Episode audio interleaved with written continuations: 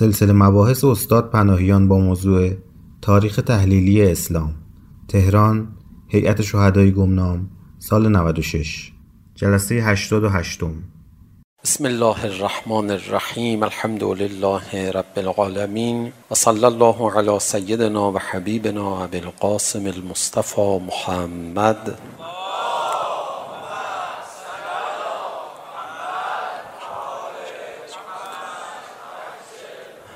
وآل الطيبين الطاهرين المعصومين لا سيما بقية الله في الأراضين روحي وأرواح العالمين له الفداء واللعن الدائم على أعدائهم أجمعين إلى قيام يوم الدين رب اشرح لي صدري ويسر لي امري واحلل عقدة من لساني يفقهوا قولي خب ما از جلسه قبل این بحث رو در تاریخ اسلام شروع کردیم که چه آزار و اذیت هایی پیامبر اکرم تحمل فرمودن. شاید به دلیل اینکه دوست داریم پیامبر رو همیشه پیروز و برفراز همه قدرت ها ببینیم بیشتر مایل باشیم موفقیت های پیامبر رو ملاحظه کنیم. قربت ها و مظلومیت های او رو شاید چون دوست نداریم ببینیم ازش حرف نمیزنیم. در حالی که هم باید داستان حیات پیامبر گرامی اسلام رو کامل دید هم غفلت از مظلومیت های او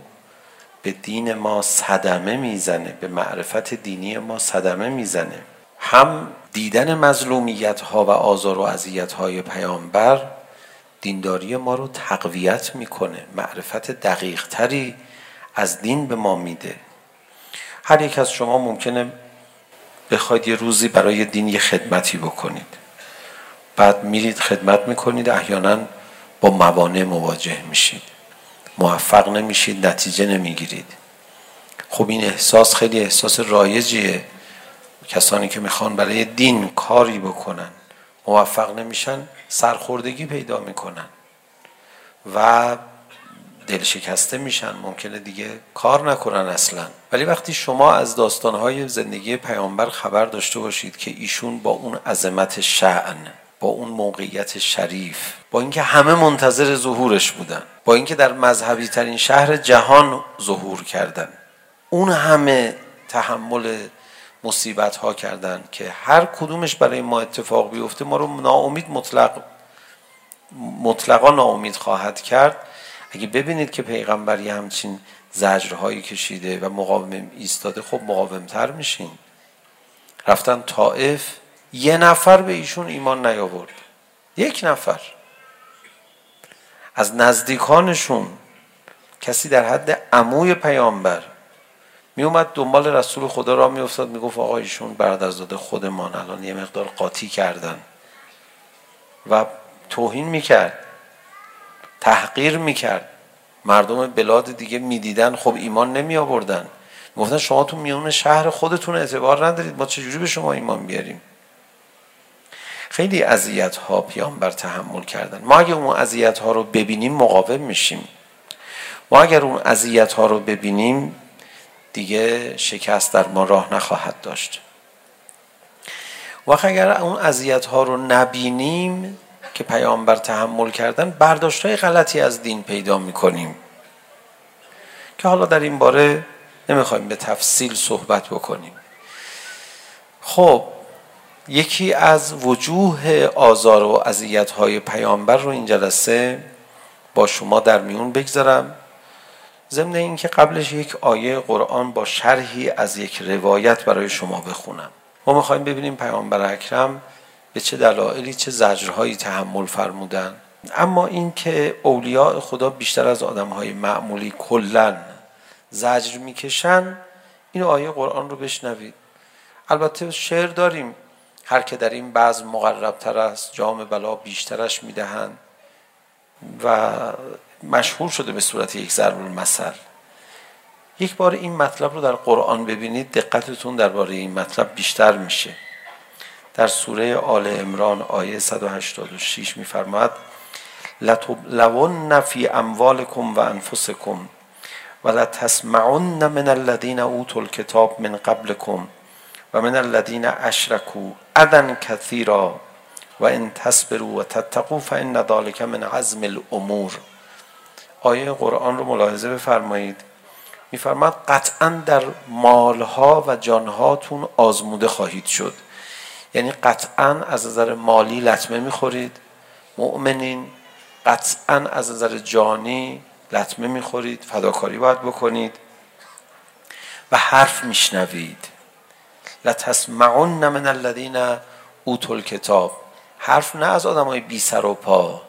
از آدمایی که مدعی که خودشون یه دینی دارند و بساتی دارن بعد میفرماد از اونها اذیت خواهید شد. عدن کثیرا. اذیت زیاد تحمل خواهید کرد. و این تصبرو و تتقو اگر صبر کنید و تقوا پیشه کنید این نشان دهنده عزم شماست.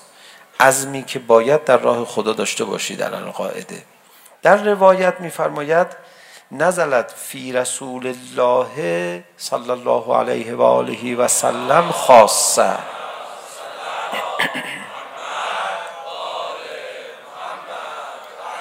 و فی اهل بیته خاصتا. میفرماد این آیه نازل شده درباره پیامبر و اهل بیت. اینکه اذیت زیاد خواهید شد مال همه نیست. یکمی اولا شما خوشحال بشید مال شما نیست. بعد کمی هم دوباره ناراحت بشید از اینکه چرا اولیاء خدا باید این زحمت ها رو تحمل بکنن که ما تو اون زحمت ها هیچ مشارکتی نداریم. ماها معمولا معمولا که نه قطعا به اندازه اولیاء خدا نمیتونیم اذیت بشیم. اصلا نمیشه. خدا اجازه نمیده. زود به نتیجه میرسیم. یک کمی زحمت بکشیم.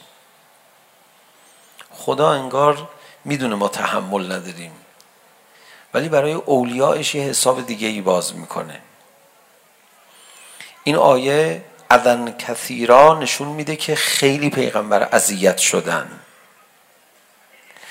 یک ذکری رو من جایی ندیدم از حضرت آیت الله العظما بهجت شنیدم.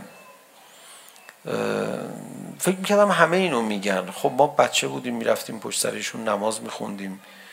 بعدا دیدیم که نه مثل که جای دیگه نیست. فقط ایشون میگفتن انگار. نمیدونم. حالا شاید سندی هم داشته باشه این ذکر یا کسان دیگر هم گفته باشن.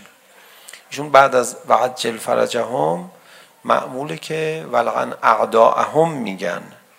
ایشون میفرمود که ولغن من آداهم هر کی اذیتشون میکنه خدا لعنتشون کن. که البته اینم آیه قرآن داره که خداوند متعال لعنت میکنه میفرماد ان الذين يؤذون الله ورسوله لعنهم الله في الدنيا والاخره کسانی که اذیت میکنن خدا و پیغمبرش رو خدا اینها رو در دنیا و آخرت عذاب میکنه لعنت میکنه عذر میخوام و اعد لهم عذابا مهینا و خدا عذاب دردناکی برای اونها ما من میدیدم آقای بهجت وقتی که تو قنوت نمازش ما اونجا رو میشنیدیم یا ذکرای خصوصی ایشونه که ما نمیشنیدیم. ولعن من آداهم اینو یه جوری میگفتن با گریه. ما احساس میکنیم اینو خیلی باید بگیم این خیلی مهمه. اینشون خیلی ناراحتن اصلا از اذیتی که به اولیاء خدا دادن. حالا این اذیت فقط از جانب مشرکین نیست. کلا در روایات هست هر کی عاقل بشه این عقلی که خدا بهش داده پاش یه زجرم بهش میده رنج آدمایی که عاقل نیستن رو باید تحمل کنه دنیا هر خوبیش با یه بدی همراهه دیگه ببخشید عذرخواهی میکنم که اینجوری حالا شما تشریف دارید در این دنیا دیگه حالا عذرخواهی منم فایده نداره ولی دیگه همین نیست که هست واقعیت باید گفت هر شیرینیش با یه تلخی همراهه اصلا امکان نداره برای هر کی میخواد باشه میبینی طرف مشهور میشه خب مشهور شدن کیف داره کنارش یه دردی بهش وارد میکنه هیچ دردی بهش نرسه مثلا از بیرون هیچ کسی هم بهش فوش نده تو خونه میبینی یعنی یه مریض میفته سر دستش سر دست هیچکی نیست. من حالا نمیخوام در این باره صحبت کنم حرفای هولناکی وجود داره. که میفرماد هر نعمتی رو خدا بهتون بده یه نعمت دیگری رو میگیره. که خود دوست ندارید. دنیا اینجوریه. حالا خدا به هر کسی عقل بده چی میده پاش؟ رنج آدمای نفهم. بعد بعضی ها بلد نیستن رنج آدم های نفهم و تحمل کنن. شاید خدا عقل تو بگیره با. تو باید بلد باشی. حالا خدا به هر کسی معنویت بده لذت معنویت به چشونه چی میده؟ زجر تحمل آدم های غیر معنوی. یه دونه در خونش میگذاره یا تو خونش میگذاره. آدم نمیتونه خیلی از قصه ها رو بگه دنیا اینجوریه یه بخشی از زجر اولیاء خدا ناشی از اینه که اولیاء خدا بقیه رو باید تحمل کنن دو تا داستان بگم ظاهرا بی رفت باشه ولی روش فکر کنید بعد یه بهره هایی هم داره پیامبر گرامی اسلام میفرماد حضرت موسی علی نبینا و علیه و علیه السلام سه روز مهمان خدا بود انقدر غرق لذت بود در این سه روز که نه غذا خورد نه آب خورد نه خوابید و در این سه روز فقط خدا می نوشید و خدا همه نیازاشو انگار برطرف می کرد انگار نه ها انگار نمیخواد دیگه بعد می فرماد بعد از این سه روز اومد تو مردم بعد از این سه روز اومد تو مردم. مردم باهاش حرف میزدن متنفر میشد. کینه پیدا میکرد. تعبیر مقت به کار میبرن پیامبر اکرم. من نمیدونم رسول خدا اینو با کیا صحبت کردن با کیا فرمودن. اونایی که اینو شنیدن پیام این حرف و قصه پیغمبر رو گرفتن؟ سه روز با خدا صحبت کرده حضرت موسی امران بعد دیگه نمیتونست کسی رو تحمل کنه. رسول خدا چجوری مردم رو تحمل میکرد؟ سلام علیک باش میکردن زجر میکشید. ولی خب بزرگوار بزرگوار بزرگوار فرار نکنید از این این جور زجرها. یا زکاتشه.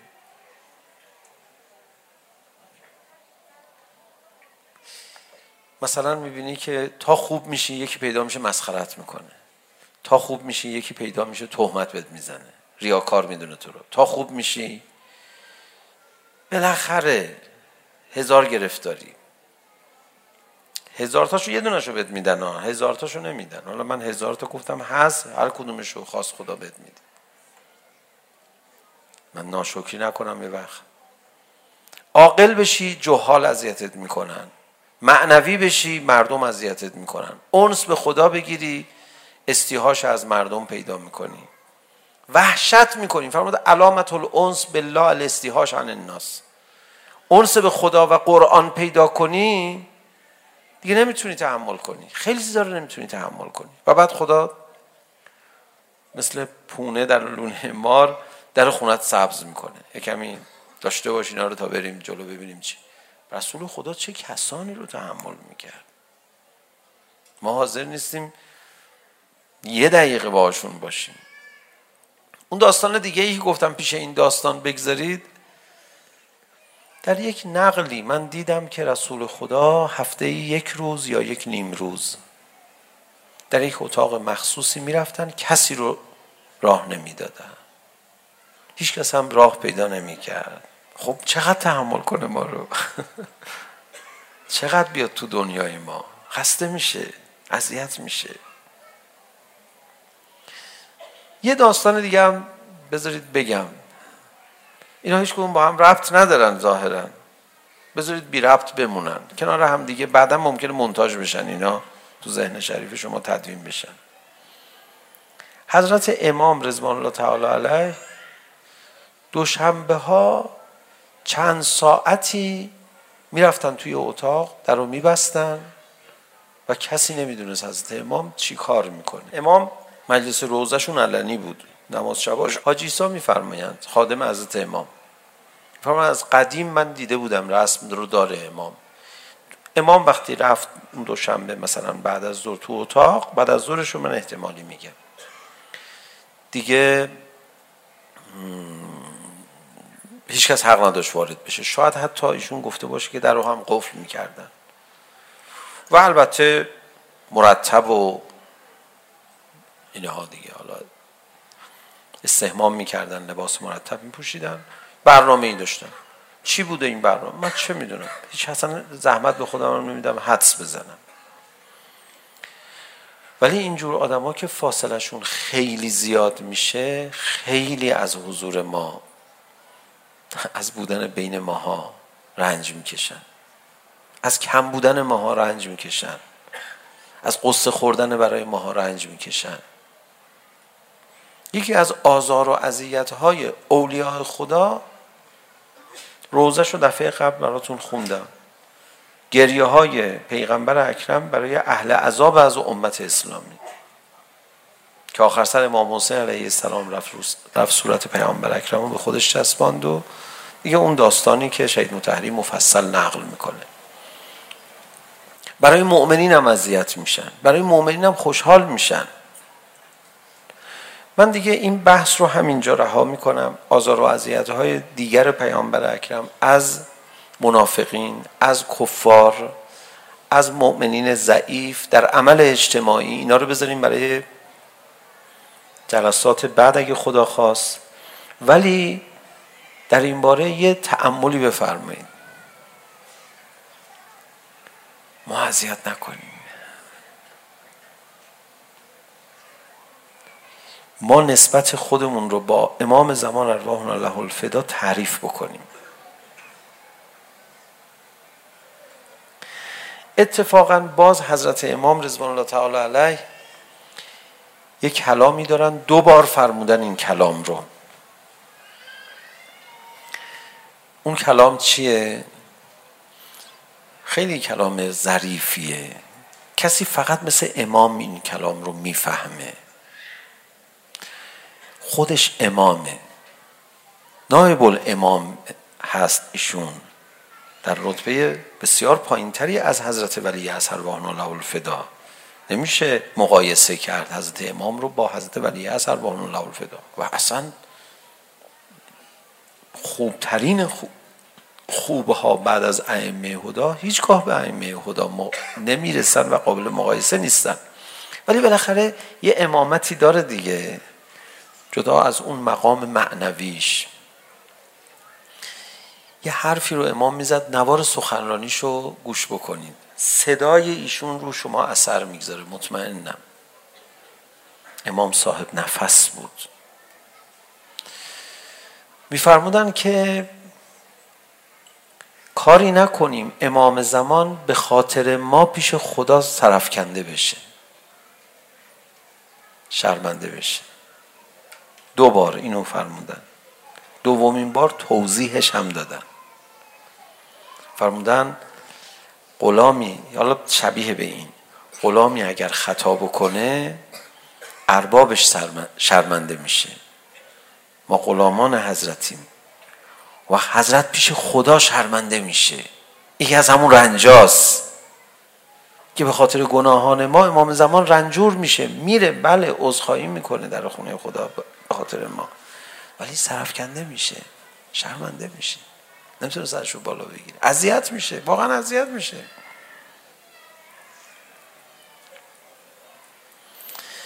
اگر ما بتونیم فراتر از جهنم از چی عذرخواهی کنیم؟ از اینکه امام زمان رو اذیت کردیم و زندگیمون رو یه جوری تنظیم کنیم که امام زمان رو مبادا اذیت بکنیم. چه اتفاقی خواهد افتاد؟ خیلی وضعمون عوض میشه. خیلی گناه کردیم آقا شما باید ببخشیم مثلا پات بخوره به استکان چایی استکان چایی بریزه رو پای یک کسی از مؤمنین از اهالی خانوادت خب عذرخواهی میکنی دیگه بالاخره بعد یه دفعه آره بالاخره اونم شما میبخشه دیگه. پات خورده به استکان چای. خب دیگه اشتباه کرده. حواسش نبوده. بی دقتی کرده. شما هم انتظار داری ببخشنت دیگه. واقعا هم عذرخواهی میکنی. ولی از ذهنت هم خارج میشه. منتها اگر این کسی که چای رو ریختی رو پاش پاش سوخت یک کسی باشه خیلی صاحب مقام معنوی باشه. مثلا اگر شما قدر آقا تو میدونی؟ بگم آقا باشه. دیگه خودتو نمیبخشی. اون آقا شما رو میبخشه. شما خودتو نمیبخشی. می من یه بار رفته بودم دیدار پای آقا رو سوزوندم. پماد آوردم دیگه خودتو نمیبخشی. ایشون باید چند تا کار انجام بده تا شما یه ذره تسکین پیدا بکنید دیگه شما خودتو نمیبخشی. این چه سیستمی خدا طراحی کرده؟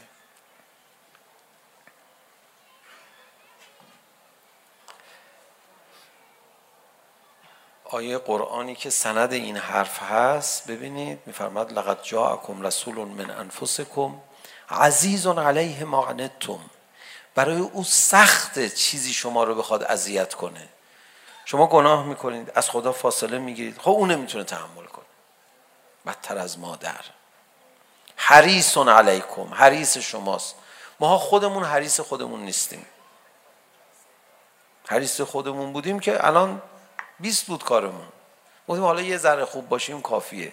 او, او براش کافی نیست. تو رو خدا خوب باش تو رو خدا بیشتر. یبنان حسن شما داری زجر میکشی رسما. از اینکه من زیاد خوب نیستم. زجر نکش.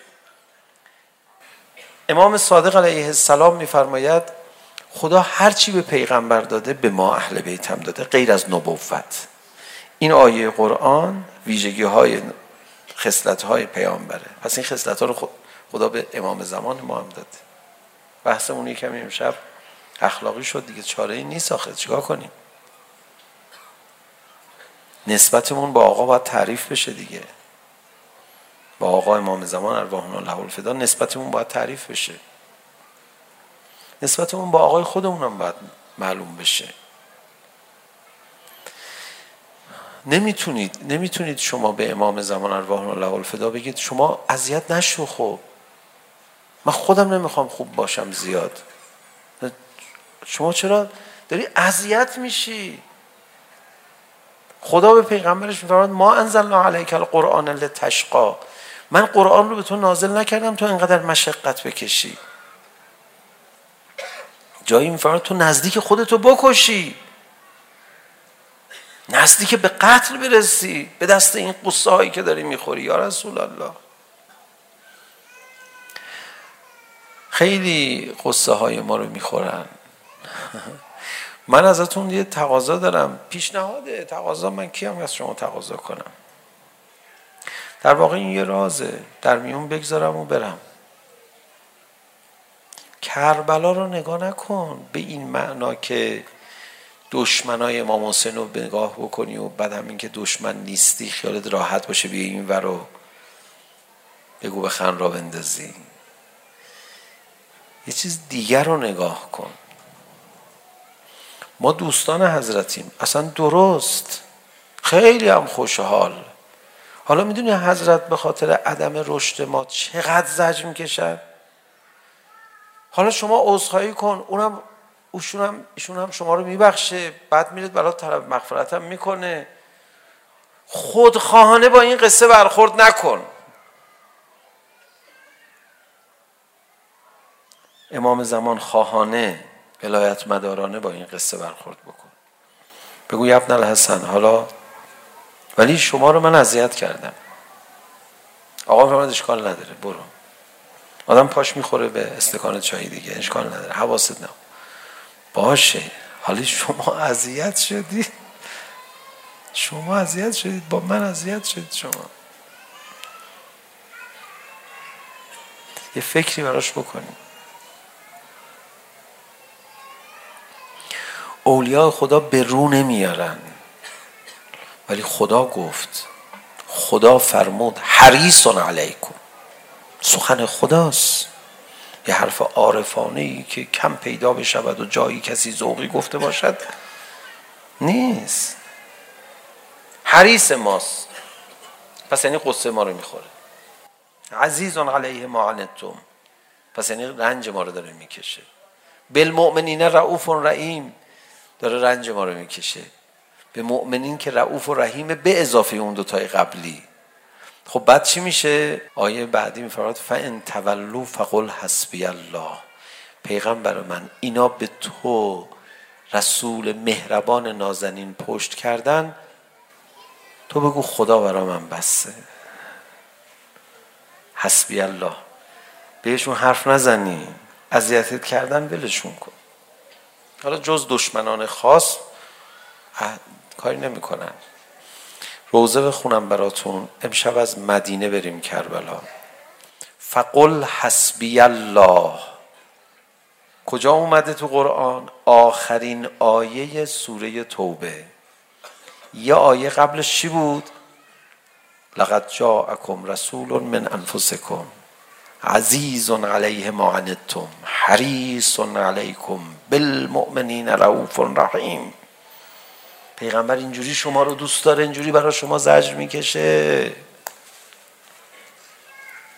آیه بعدش که آخرین آیه سوره است میفرماد فان تولوا اگه مردم پشت کردن فقل حسبی الله بگو خدا برای من بسه این داشته باشید اینو فاطمه زهرا سلام الله علیها رفت مسجد فدک رو بگیره توهین به حضرت کردن حضرت از مردم کمک خواست. یک مرد جوابشو نداد. وقتی برگشت صدا زد یا علی مانند کودکی که در رحم مادر هست زانو بغل کردی. منو خارم کردن تو مسجد. اونجا بود این جمله رو فرمود ای کاش مرده بود فاطمه این صحنه رو نمیدید. از این بیوفایی ها اونجا نوشته علی ابن ابی طالب علیه السلام به فاطمه فرمود فقل حسبی الله. بگو خدا برای ما بس. بلشون کن. اشاره به اون داره. یعنی پاره جگر پیغمبر. این پیغمبر اینقدر عاشقی کرد برای این مردم. اینقدر دل سوزون آتیش گرفت. اینجوری جوابشو دادن. ولی خدا به پدر نازنین شما فرمود فقل حسبی الله. تو هم الان بگو فقل حسبی الله. وقت نوشته تا علی ابن عبی طالب فرمود فقل حسبی الله. فاطمه آرام نشست گفت حسبی الله. خدا برای من بس. ولی دیگه اشکش جاری بود تا لحظه های آخر عمر. مدینه با صدای نوای فاطمه چند سباهی اونس داشت تا این صدا خاموش شد میخوام میگم یا فاطمه عجب دختری تربیت کردی زینب وقتی حسین فرمود صدای گریت هم زینب کسی نشنوه دیگه که صدای زینب هم کسی نشنید یعنی فرمود کاری نکنید از شعن شما بکاهد زینب کبرا یا فاطمه شما اون گریه هایی که کردید زینب همون گریه ها هم نکرد وقت ببخشید. امام زمان معذرت میخوام. یا فاطمه زهرا شما یادتونه زجه ای زدید در مسجد؟ تهدیدی کردید از زیر دیوارها خاک بلند شد که یعنی یا فاطمه آماده این فرمان بده کن فیکون بکنیم. شما یادته شما یادتونه سلمان اومد پیام داد که یا فاطمه امیر المومنین فرمود نفرین نکنین. یا فاطمه زهرا یادتونه شما چی فرمودید اونجا؟ برگشتید فرمودید که یا فاطمه زهرا. برگشتید گفتید که مگه نمیبینی شمشیر بالا سر علی نگه داشتم منو آرام بگیرم. یا فاطمه یه سر به کربلا زینب بالای تل زینبیه بزنید ببینید چه صحنه ای رو داره مشاهده میکنه عجب دختری تربیت کردی این فاطمه است که بالای تل زینبیه ایستاده است با اون همه مقاومت